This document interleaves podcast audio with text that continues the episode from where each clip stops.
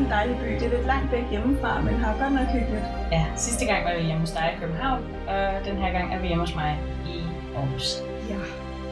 Og det er mig, der skal starte med en, øh, med en historie om en kvinde, du sikkert har hørt om. Ja, Og vi sidder på en lidt anden måde i dag, fordi vi har fået nogle nye mikrofoner, så jeg sidder sådan lidt halvakavet med en skærm inde i mit hoved, og så skal jeg kigge ned på en anden skærm og sådan noget. Så, men vi prøver, der er mange detaljer i den her historie. Vi prøver at se, hvordan det går. det lyder godt. Ja, jeg skal fortælle dig om Greven Danner. Hende har du hørt om, ikke? Jo, jeg har hørt om hende, men jeg ved ikke så meget om hendes liv.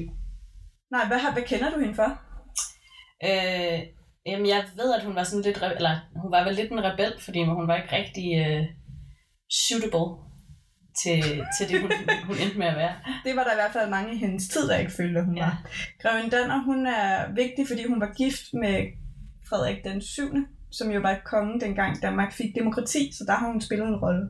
Og så har hun været rigtig vigtig for sin eftertid. Hun har virkelig kæmpet en stor kvindesag og har været øh, sådan en god figur for, for folk, der ikke havde særlig mange penge, og for de her laveste stående i samfundet. Og det er hun på nogle punkter stadigvæk i dag, men det kommer vi med tilbage til. Spændende. Ja, er du klar til at høre om hende? Ja. Louise Rasmussen blev født den 21. april i 1815 i København. Hun var datter af en ugift tjenestepige og blev i 1826 optaget på balletskolen på det Kongelige Teater, hvor hun voksede op sammen med sin mor faktisk, fordi hendes mor også arbejdede der. Øhm, og det var ligesom her, hvor moren tjente til at kunne ernære både sig selv og sin datter ved at være syrske, eller senere sådan det, man kalder pyntekonen ved det Kongelige Teater. Altså i dag er det jo sådan relativt fint, tænker jeg faktisk, at være balletdanserinde. Det var det ikke dengang. Øh, dengang der var det at være balletdanserinde forbundet med sådan løsagtighed. Okay. Altså det var sådan faktisk lidt sådan lidt billigt, hvis man var øh, balletdanserinde. Men de har selvfølgelig også været altså, elskerinder for mange spændende mennesker. Ja. Altså ja, det var hun i hvert fald. Jeg ved ikke, om det var sådan almen gældende for alle. Men hun... Øhm, men, men det er en ret lav status, fordi der tit var fester, hvor de her balletdanserinder var med. Og der var de nemlig måske lige lidt for lyse på tråden i forhold til, hvad man synes var okay i 1800-tallet. Hun blev figurant inde, altså det er det, man kender en øh, balletdanserinde i 1835 til 1842. Og så kom hun på bagerste række, fordi de kunne ikke rigtig bruge hende så meget, til så meget. Hun var, sådan, hun var ikke den der klassiske balletdanserinde. Hun var faktisk lidt, lidt lille og lidt rund i det, og så var hun super klodset. Så hun, hun var ikke sådan der den bedste balletdanserinde, øh, Københavns, det kongelige øh, teater i København har haft. Men øh, det var ligesom det her måde ved at være figurant inde, at hun kom til at lære en ung prins Frederik at kende gennem en øh, kollega, som hed Jensine Werner, som var på et tidspunkt i 1830'erne, altså var Frederiks elskerinde. Et stærkt navn, Jensine. Jamen, jeg kan faktisk godt lide navnet Jensine. Det er, sådan, det er ikke så meget på mode, men jeg synes, det kan noget. Ja, men med, jeg har aldrig mødt en Jensine, det gad jeg godt. Det har jeg, men hun var nordmand. Men tilbage til historien. Øh, Frederik har senere fortalt, at øh, den første gang, han så Louise, det var ved, at han stod backstage. Og så dansede hun, og hun dansede ligesom ud af scenen. Og så udvekslede de lige et blik, og så trådte hun på hans fod, og så dansede hun ind igen. Og det, øh, det var ligesom første gang, Frederik og Louise Rasmussen mødte hinanden. Og han bemærkede hende, fordi hun var så anderledes fra de andre baller, altså ballerinaer. Og så måske også, fordi hun trådte på hans fod. det har jeg faktisk også prøvet. Jeg synes ikke, det fungerede for mig. Altså, jeg har også prøvet at stå på the floor, og så var der bare en virkelig, virkelig flot fyr, og så hamrede jeg lige min hæl ned i ham. Det, altså, Og Det virkede han, ikke. You are the one. jamen, det virkede ikke, så øh, det hatten af for, at der var noget der, der... ja, hun har været meget køn. Jamen, ja, jeg tror bare, hun har været virkelig charmerende, faktisk. Ja, det kan selvfølgelig også være. Det var også igennem balletten, at hun mødte øh, Karl Berling. Siger navnet der noget? Overhovedet ikke. Udover at han lyder, som om han har noget med Berlingske Tiden at gøre. Lige præcis. Han ejede nemlig Berlingske, det berlingske trykkeri, øh, og han var rigtig gode venner med prinsen. Louise Rasmussen og Berling blev fuldstændig vanvittigt forelskede i hinanden. Men de kunne ikke gifte sig med hinanden, fordi Berling ikke, altså selv for ham, der var det for lavt at træde ned i samfundet og blive gift med sådan en som Louise Rasmussen. Så de nåede bare med at være elskende i et, omkring et år 10, og endte faktisk med at få en søn sammen, som fik navnet Frederik Karl Christian Louis. De kunne bare ikke vælge. det er også det, jeg tænker, det er, sådan, det er lidt halvroyalt, ikke? Men Så altså sådan, min, mine yndlingsnavne og dine yndlingsnavne. Og vi har ingen vetoret. Ja. Det her barn, det er jo selvfølgelig et uægte barn, ligesom Louise selv var. Øhm, og hun kunne ikke tage sig af det her barn, så det blev sat i pleje, og hun havde ikke kontakt med barnet resten af sit liv. Øh, hun følger dog med på, på sidelinjen og har tydeligvis haft svært ved at lave den her, træffe den her beslutning. Og Berling får kort tid efter et ultimatum fra sin mor, at enten så skal han bryde kontakten med Louise, eller så bliver han gjort afløs. Øh, det vil sige, at han faktisk mister rettighederne til det her øh, Berlingske Tidene. Og det for høj en pris for ham at, øh, at betale, så de bryder kontakten. Og det har uden tvivl været rigtig hårdt for, for Louise. Det er så med støtte fra, fra Berling, altså han er der stadigvæk lidt i baggrunden, at øh, Louise Rasmussen uddanner sig i Paris til modehandler. Okay. Og hun åbner i 1844 en fransk modehandel på Vimmelskaftet i København. Og her har hun faktisk virkelig sans for, for det her med, med salg og reklame, fordi hun får det her, den her idé, at man skal for det første have udstillingsvinduer. Det var ikke sådan så helt almindeligt, altså det var nogle ret store, sådan klare vinduer. Og så havde hun nogle øh, roterende voksmannekinger i forretningsvinduet. De er så uhyggelige. Altså det var ikke nogen levende nogen. Det ved jeg godt, men der er en butik her i Aarhus, der også har roterende mannequiner, og jeg synes, det er vildt uhyggeligt, fordi de også tændt om natten. Ja, altså jeg synes, det er mere uhyggeligt, når der står rigtige, øh, altså, rigtige Det er modeller. og jeg er sådan. Hej, og jeg er Ja. sådan, Ja. Men, men ja, så, og det, det fik hun ret meget øh, opmærksomhed på, at have de her roterende voksmannekinger. Og det var jo egentlig en rigtig god idé, fordi så kunne man jo lige pludselig se produktet fra, fra mange sider. Øh, så hun bliver sådan rimelig meget talestof eller samtalestof for, for københavner på det her tidspunkt. Så, og butikken var også relativt godt kendt, men den var ikke sådan den største økonomiske succes. Det er også cirka på det her tidspunkt, hvor Frederik, altså prinsen der, der har haft et øh, godt øje til Louise Rasmussen rigtig længe, begynder at optage en kontakt med Louise. Og han er nu blevet øh, kronprins. Og ja, jeg har sådan lidt... Hvorfor var han ikke kronprins før? Ja, Er man Det- ikke det fra fødslen?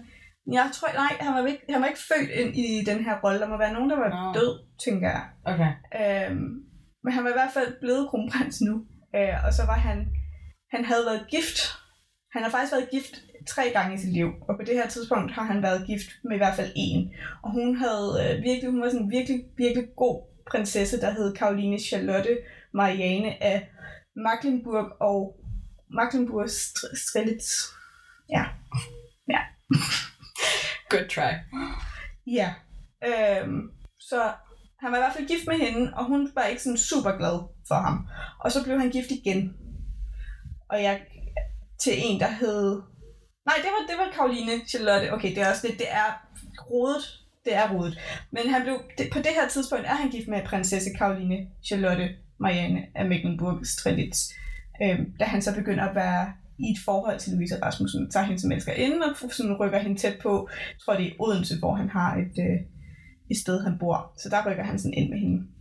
Øh, og han øh, går sådan åbenlyst og rundt og erklærer, at han har mange flere følelser for Louise Rasmussen, end han har for sin kone, og han kalder hende for sin skytsengel. Han er på det her tidspunkt guvernør på Fyn, så det er nok derfor, han er i Odense, tænker jeg. Det giver god mening. Ja.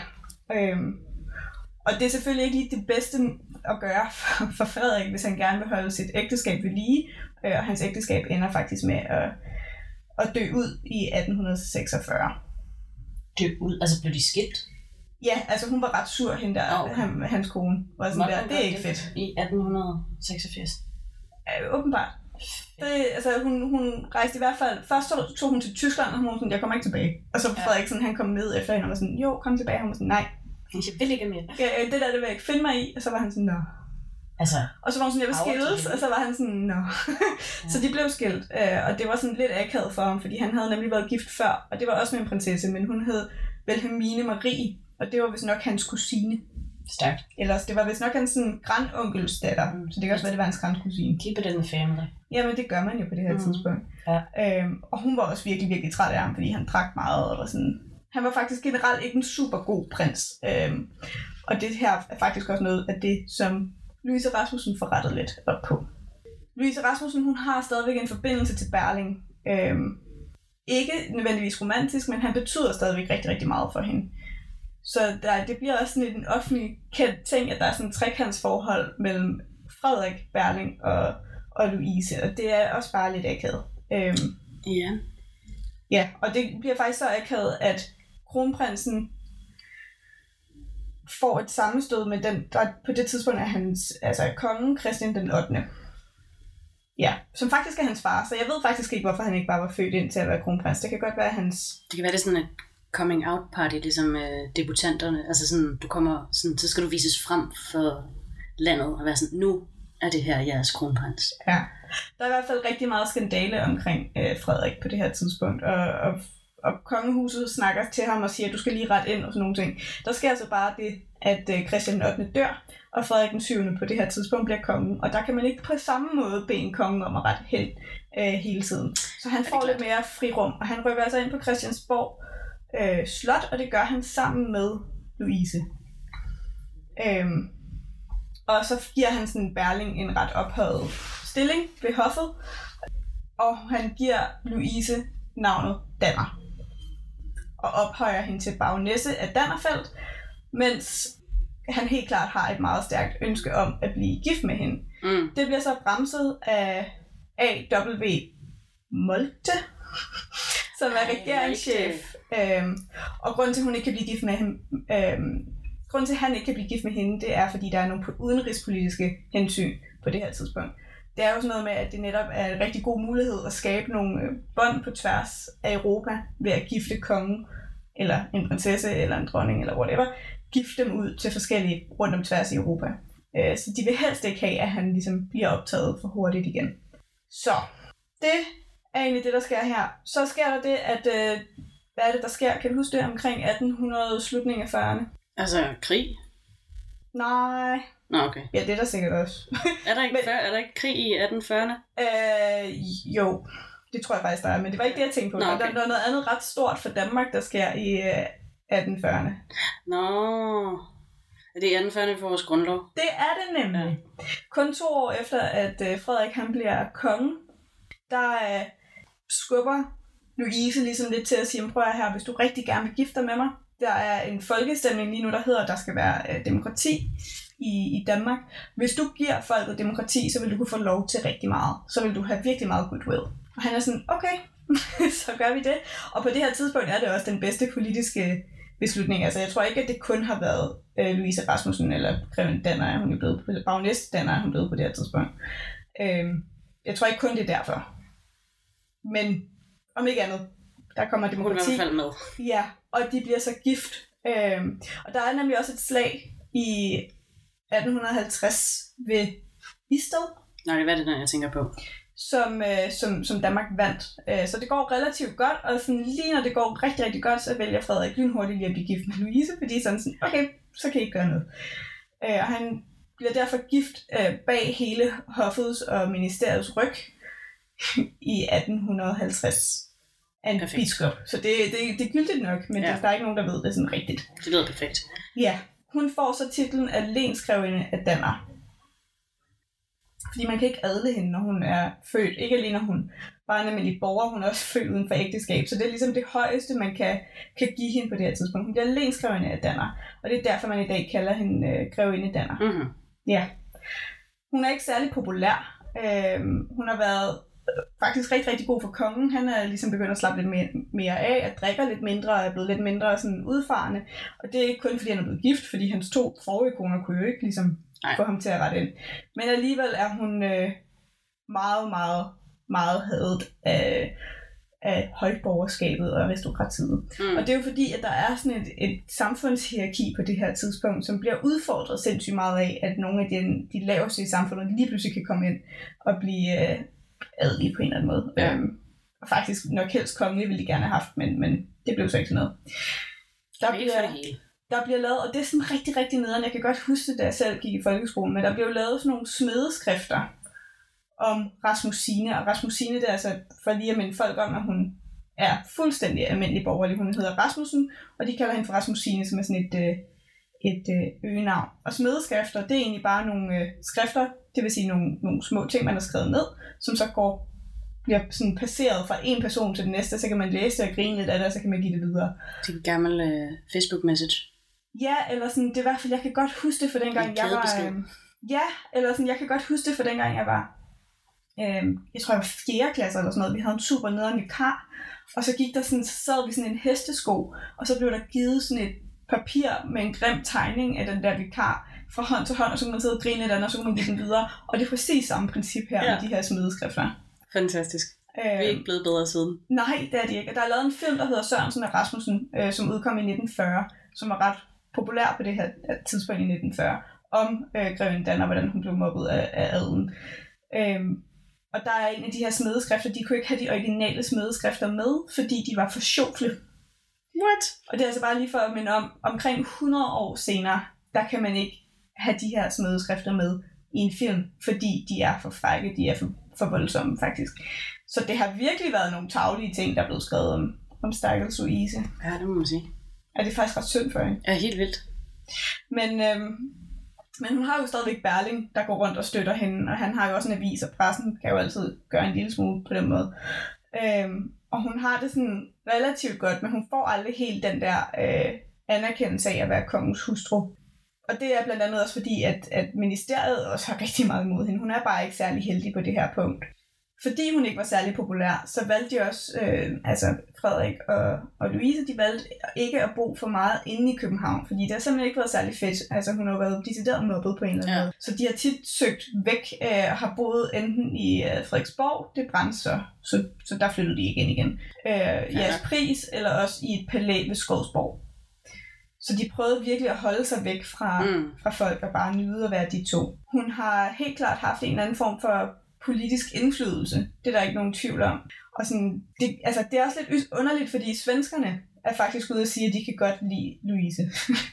Alle andre øhm, store kongehuse i Europa, de kan heller ikke lide hende. Det er Øhm, sjovt. men, men hun, har, hun får alligevel på en eller anden måde en øh, politisk indflydelse, selvom hun faktisk står ret dårligt.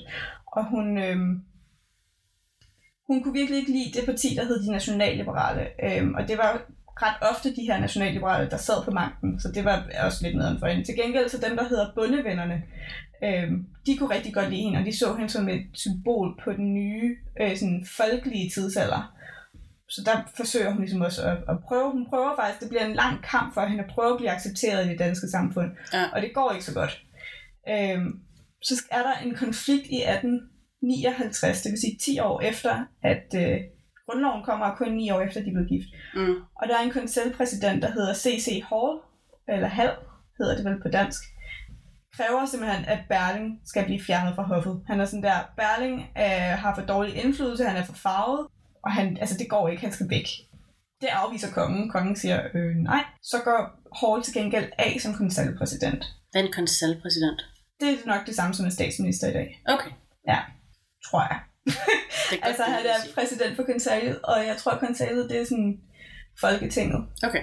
Øh, så jeg tror nok, at det er det. En, altså, der, der, I må godt rette os derude. Ja, hvis der er nogen, det der er ved det, forkert, så, øh, hvis der er nogen, der er sådan, det her er en Så sender sådan øh, en Men jeg er ret sikker på, at det er en øh, statsminister. Okay. Øh, og der bliver ligesom dannet en ny regering under en, der hedder C.E. Rotvit. Jeg kan godt lide, at de alle sammen kun hedder sådan deres, øh, Ja, initialerne. initialer. Men ja, Rotvit, det er altså også et, øh, et grinerne efternavn. ja. Øh, og han blev sådan modtaget i offentligheden som grevindens særlige ministerium. Grevindens særlige ministerium. Hvad det, du sagde? Ja. Okay. Fordi at han jo nok har været lidt for venlig over for, Ah. for grevinden. Ja. Øhm, og igen, det er ikke super populært. Og så det her ministerskifte kommer, og så kort tid efter, som jeg nævnte før, så brænder Frederiksborg Slot. Og det går bare ikke særlig godt. Så der kommer en meget, meget stærk modvilje mod Berling, og der kommer en endnu stærkere, hvis det er overhovedet muligt, modvilje mod Louise. Og de bliver simpelthen ramt både af, af pressen, det er sådan den klassiske, men der Mm. begynder også at komme folkedemonstrationer, eller forskellige demonstrationer imod dem. Det ender simpelthen med, at Berling, fordi stemningen i landet er så meget imod ham, vælger at nedlægge sine poster ved hoffet, alt det han har fået hos hoftet, øh, og Rotvit bliver ovenikøbet også syg og dør. Så sådan, det går virkelig, det går virkelig dårligt. virkelig dårligt. Det er, sådan, der, er- det er et helt nyt lavpunkt. Træls. Ja, og det cirka også her, at Louise simpelthen giver op. Hun er sådan der, jeg bliver aldrig accepteret, jeg bliver bare nødt til at acceptere, at jeg aldrig bliver accepteret. Og hun har faktisk levet med rigtig, rigtig meget modgang. Det er lidt synd for hende, faktisk. Øh, og hun trækker sig tilbage til til bare at leve et privatliv sammen med kongen uden for hovedstaden. Og herefter går de faktisk lidt begge to ud af den politiske øh, scene. Okay. Det går så ikke så lang tid, før at øh, Frederik den 7. han dør. Og hun bliver ved med at leve tilbagetrykket, dels på jeres pris, øh, som hun havde fået i arv efter kongen, og dels på en ejendom, hun har på Ny Vestergade. Og hun øh, tog tit på sådan nogle lange uddannelsesrejser, og hun tog faktisk tit sammen med Berling. altså, De det, var jo venner. de var jo venner.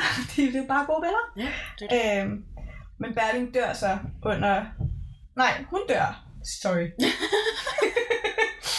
Okay, stærkt. Er det det, der står? Vent lidt. Okay, nej. Jeg var forvirret, fordi de begge to dør. okay, han To dør. flyver med et smæk. Nå, men han dør. Øh, de tager på en rejse til Ægypten, og der dør han. Og så øh, kort tid efter, der er hun i Italien, og der får hun en sygdom, som hedder rosen. Jeg ved ikke 100% hvad det er, men det dør hun af i øh, 1874. Hun er 58 år gammel på det her tidspunkt. Er 58 år i 1800-tallet. Er det sådan gennemsnitligt? Eller er man så ung? Nej, jeg tror ikke, man er ung.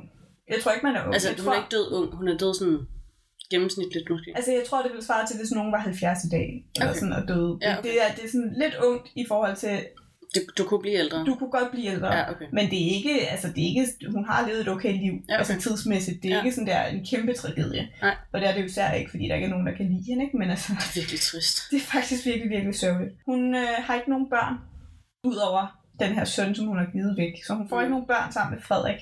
Øh, og det betyder, at hun er ene sådan ejer af en kæmpe, kæmpe stor formue, som hun har arvet efter Frederik. Mm. Og hun har altså en formue på omkring 6 millioner kroner, hvilket er Hold da op. virkelig mange penge på Ja. det her tidspunkt. Øhm, og hun, da hun dør, hun overdrager dem så til fattige kvinder af arbejderklassen. Og sådan, det er nogle af pengene, der går til det. Hun laver to stiftelser, nemlig den fattige, de fattige kvinder af arbejderklassen, og den anden hedder Stiftelsen for hjælpeløse og forladte pigebørn, især af almuen. Især af albuen. Ja, almuen. Og almuen, det er det her pøbel. Nå, okay. okay Altså ja. sådan almuen, det, er de, det er de her almindelige øh, Ja, ja, ja. mennesker, der er lidt lave nede i, øh, i, i systemet. Ikke?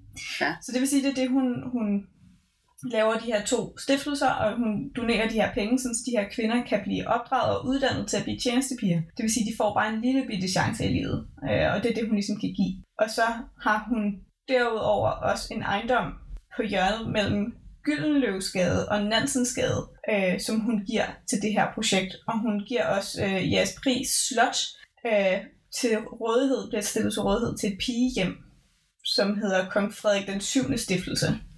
Hvilket jeg synes er lidt tavligt, når det er hendes stiftelse, men okay. Det var måske lidt mere populært blandt folket på det tidspunkt. Det er faktisk en god pointe. Og hun, øh, Louise, hun gav nogle meget udførlige retningslinjer for de her to stiftelser, eller de her to øh, institutioner, fordi de havde et meget sådan, bestemt formål.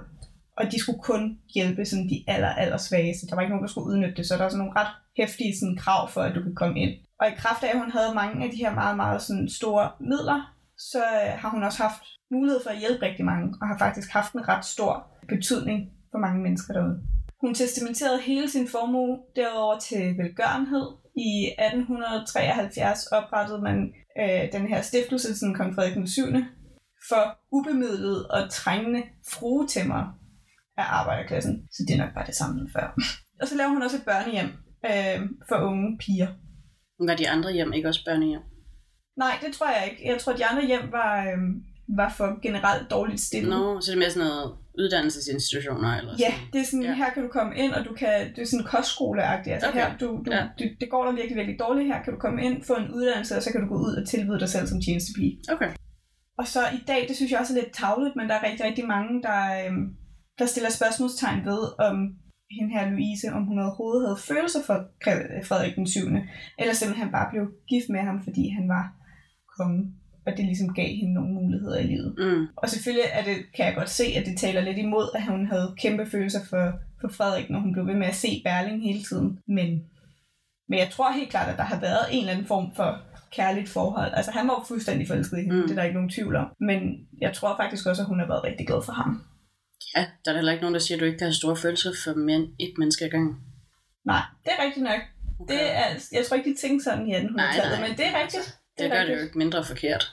Hun har helt klart, uanset hvad, været en kvinde af folket, og som har givet rigtig meget tilbage til det folk, hun, hun kom fra, og til den position, hun kom fra. Hun øh, har også været meget op i tiden i den nyeste tid, øh, fordi hun bliver skildret meget i, i film, hun bliver skildret meget i bøger, øh, og så er der kommet den her nye kvindebevægelse. Der er et krisecenter, der hedder Grevinde Danner, øh, inde ved København, og de har også taget hendes navn for at ære den her øh, position. Jeg tror ikke, at hun ville have... Jeg tror, det ville have været ret vildt for hende at vide, hvordan hun egentlig er blevet brugt i sin eftertid, fordi mm. det, det her med Danner-sagen er stadigvæk en stor sag, og den har ragt langt, meget, meget længere ud. I dag har vi jo et helt andet samfund. Ja. Så i dag der er dem, der er... er jeg prøver mig ikke at sige, at der er nogen, der er svage i samfundet, men dem, der måske er særligt udsatte i samfundet, kan være de her øh, mennesker, der er i øh, et voldeligt forhold, eller på en eller anden måde bliver terroriseret derhjemme. Mm. Så det er det, man rækker ud til nu. Ja. Fordi staten er jo faktisk ret god til på mange punkter, eller prøver i hvert fald på at gribe mange af dem, der ikke har så mange økonomiske muligheder i dag. Ja. Sådan var staten bare ikke dengang. Nej. Så det var lidt rodet, men det var grevinde, det var grevinde Danner, som hun blev til sidst, eller Louise Rasmussen, som, som hun blev født. Ja. Ja. Fantastisk. Jeg har et spørgsmål. Ja, yeah. hit me. Hvor, hvor eller hvad er Danner? Altså er det et sted? Så du er grevinde af det? Er det sådan et sted, ligesom hvis man er... Dannerfelt. Ja. Øh, jeg tror ikke, det er et sted. Det det bare, Men det altså, kan godt være, det er en med- ejendom, faktisk, så Ja. måske er det et sted. Måske er det en borg, men hun Okay. havde ikke en borg, der hed Danner. Det er et godt spørgsmål, jeg finder lige. Nå, men fordi det kan godt, altså der er også, øh, du kan jo sagtens have været grevinde af noget, som ikke var et fysisk sted. Altså det kan jo være, de bare har fundet på en eller anden titel til hende, fordi de manglede en. Ja. Og hun så ikke har haft noget, i, altså hun har jo så haft en øh, ejendom inde i København, men at hun ligesom ikke har haft noget jord til det der grevindeskab. Altså umiddelbart tror jeg ikke, at der har været...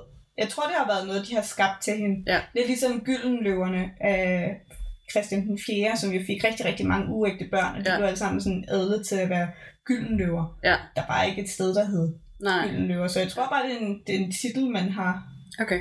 tryllet frem. Hun har i hvert fald ikke taget den fra nogen. Nej. Der er ikke nogen, der har haft den, så de har, de har oprettet den til hende. Ja. Øhm. Ej, det er et godt spørgsmål. Hvis der er nogen derude, der ved, sådan, når jeg, jeg bor i Danmark, så Ja. kunne jeg godt lige, Ja, kan eller jeg godt lige tage fat i os, men jeg tror ikke, at Danner er eksperter. Ja, der er sikkert nogle krævende Danner eksperter derude, Ja. som er meget utilfredse med min øh, skildring af Jeg synes, rodet liv. Men, øh, men, men det, der, det, jeg synes, der, altså, det skal virkelig, virkelig vidne om en stærk psyke, at Ja. hun formår stadig at leve et, et liv med en vis form for livskvalitet, når man er så hadet og så, Helt vildt. så mobbet på en eller anden måde. Ikke af folket, men af de mennesker, du omgås med til daglig. Ja, Det er alle dem, hun har været omkring til daglig, Ja. bortset fra tjenestefolk og så videre, der, der har været nederen over for hende. Og jeg kan også virkelig anbefale, hvis man ikke man har noget imod øh, gamle sort film, så at se Sørensen og Rasmussen. Det er en rigtig god film. okay. Mm. Ved du, hvor man kan finde den henne? Nej. det ved jeg faktisk ikke. Det kan være, man kan finde den på filmstriben. Eller Bonanza måske. Ja, men man kan sikkert købe den Det er jo et eller andet sted. Jo, jo, men Men øh, hvis nu folk er mere fra øh, vores generation, så de streamer tingene frem for at gå ud og købe dem. Så. altså, jeg, har, jeg ser den, fordi min far har optaget den på, øh, på sådan et gammelt VHS-bånd, dengang den blev vist i, i fjernsynet. Stærkt. Så, Så hvis du har en VHS-maskine, så kan du bare lige sende Så- så- så så, vi- sender, så så sender Ida den båndet til dig. Men den er ret god. Øhm, men nej, Dannerfeld, jeg har lige søgt på det på nettet, der er ikke, altså, Der er ikke noget fysisk. Nej. sted. Nej, det er fint nok. Jeg var bare nysgerrig. ja, men det er også et godt spørgsmål. men, Men jeg synes, det, jeg synes virkelig, det vidner noget om, at hun har haft en, en Ja. stærk psyke. jeg tænkte på, det, øh, hvad det hedder, den der Danner-stiftelsen, du snakkede, eller Grevinde Danner, hjemmet, man kan tage til i Ja. dag. Øh, er det ikke, det er lidt samme, altså jeg føler lidt, at det er samme type hjælp, som hun skabte dengang. Altså sådan oversat til vores øh, samfund, som du siger, at det her det er så for, for folk i, i voldelige forhold, eller sådan på anden vis trænger til at- komme væk hjemmefra, så kan de søge hjælp her. Hvor at, altså, det var jo også lidt det, hun gjorde med de andre hjem, hun startede med sin, eller som blev startet med hendes arv, da hun døde. Ja, altså der er noget, der hedder Dannerhuset inde i København, som Mm. er det her øh, krisecenter. Ja. Øhm, og det er ikke noget, hun decideret har startet, men de har jo netop taget hendes navn, Jamen, fordi det, de mener. føler, at den, ja. den sag øh, har været i tråd med deres sag. Så, så du har jo ret. Ja. Altså, den, det, det har helt klart været meget inspireret af den måde, hun rakte ud til, til folk i, udsatte positioner. Ja. Men også, altså sådan, fordi hendes jo var altså kvinder alle mulige steder i deres liv, men som havde svært ved livet. Og sådan forstår jeg det i hvert fald, at det er meget sådan, alle hendes hjem, hun satte, der blev sat op med hendes formue, det var altså primært for at hjælpe kvinder og piger. Det har det, det har det været, det er rigtigt. Og så bliver der faktisk også, den tror jeg så ikke selv, hun har lavet, men der er en, øh, en, en pris, der hedder Danners Ærespris, som bliver givet til en person, der har gjort en ekstraordinær indsats for at fremme kvinders rettigheder og bryde tabu om vold mod kvinder. Nå, fantastisk. Og det, det synes jeg egentlig også er meget fint, det der med at have en Danners Ærespris, altså fordi hun har virkelig gjort meget for folk, så, så hvis man skulle opdele, altså sådan opkalde sådan en pris efter nogen, der har gjort en ekstraordinær udsats, eller indsats over for udsatte kvinder, så kan jeg godt forstå, at man er valgt Danner. Ja, selvfølgelig. Det er også bare fedt, der findes sådan en pris, synes jeg. Ja, Altså, kæmpe fan. Ved du, hvem der har vundet den sidst? jeg tror, hun hed Mette. Lad os lige se. Øh, den blev uddelt i 2018 Ja. til en, der hedder Mette Helena Rasmussen, Okay. som er en indretningsekspert Spændende. og influencer. Ellers så ved jeg, jeg ved ikke, hvem der har fået den sidst, men det er det, der står herinde på. Nå, men det kan også være, at de ikke... øh, Det kan være, at corona ligesom ramte, så noget, de ikke giver ind for 19. Men corona var der ikke rigtig i 19. Nej, men hvis de nu først giver... Altså, hvis de venter hele kalenderåret, før de ligesom kan udgive prisen, så de først udgiver 19-prisen i 20. Nå! Ej, det er faktisk smart tænkt. Ej, det er faktisk virkelig godt tænkt. Det tror jeg, det siger vi er rigtigt. Det synes jeg er... nu starter vi det her rygte. Ja. Ej, vi, ja, jeg kan godt mærke, at jeg har faktisk været lidt ude på dybt vand med, med den her historie, men jeg synes, det er en vigtig historie at fortælle. Mm. Øhm, og det, som jeg synes, man skal tage med sig, det er det her med, hvor et tough liv hun har haft, og hvor meget hun ikke har fået folks anerkendelse eller accept. Ikke? Altså, hvordan at Frederik faktisk var den eneste mand, der ville kæmpe for at være sammen med hende. Ikke? Altså, Mm. Berling var ikke villig til Og han var lidt en tøstreng.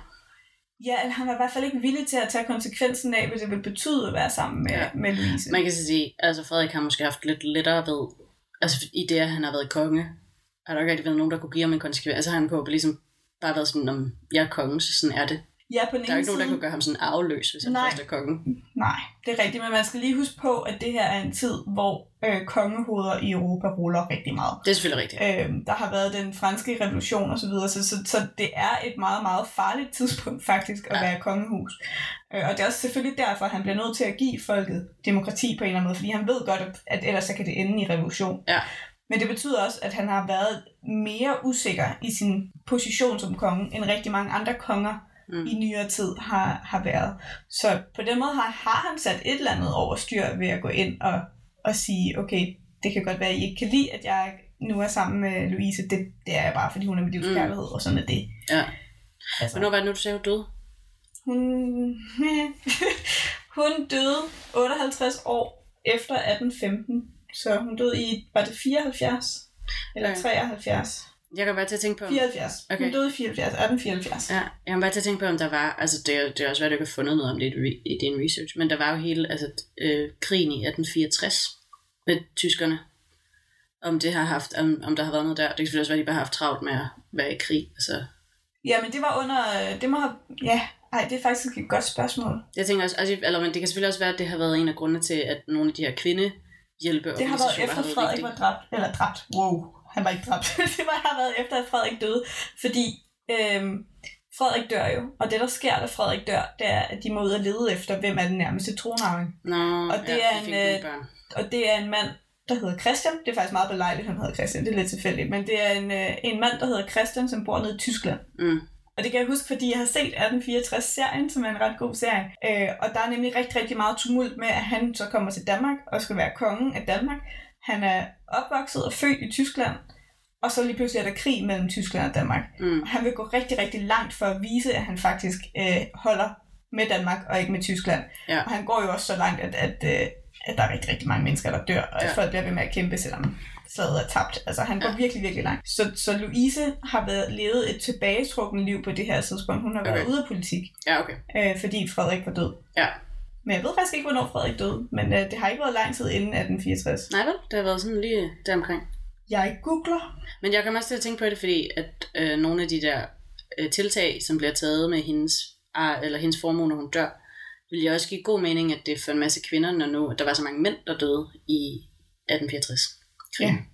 Altså, så der var ligesom mange øh, enlige kvinder, eller børn, eller pigebørn uden forældre. Og, altså sådan, Ja. der har jo bare været meget, mange konsekvenser af den krig, som, som jeg tror, hendes, altså hendes legacy ligesom har kunne tage sig lidt af på den anden side af det hele. Det er faktisk en rigtig god pointe, det har jeg ikke tænkt over. Nu sagde jeg, at øh, Frederik han døde tæt på 1864, og det må man sige, det gjorde han. Han døde den 15. november 1863. Ja, okay. Så han var ikke kongen under 1864, og fordi han ikke var kongen, altså Louise, når hun har haft politisk indflydelse, så har det kun været i kraft af, at hun kunne have indflydelse på Frederik, fordi Ja. hun har simpelthen ikke været vældig nok i det danske samfund på det her tidspunkt, til at kunne have nogen som helst anden form for indflydelse. Nej. Øh, så da han dør, der, der, der dør hendes øh, indflydelse i Danmark. Okay. I hvert fald i det politiske liv, men som du Ja. ja. så siger, så har hun jo haft en kæmpe indflydelse på at hjælpe nogle meget, meget udsatte øh, mennesker, og hjælpe Danmark formentlig også øh, bedre igennem de her kæmpe tab, 1864 medførte. Det tænker jeg i hvert fald. Det, det er faktisk en god pointe. Ja. Det tror jeg helt klart, du har ret i. Det, det vælger vi i hvert fald at tro på her hos os. Ja, ej, men det, det er jeg ret sikker på. Hun har i hvert fald været en øh, helt ekstraordinær kvinde, og som sagt, øh, en kvinde, som jeg virkelig beundrer for hendes enormt stærke psyke. Ja. Altså, der, jeg tror ikke, der er særlig mange, der vil kunne holde til den rutsjebane, der har været. Nu er du øverst op i samfundet, nu bliver du kastet ned igen, så bliver du sådan lidt op igen, og du bliver kastet ned igen, og du Mm. bliver aldrig accepteret.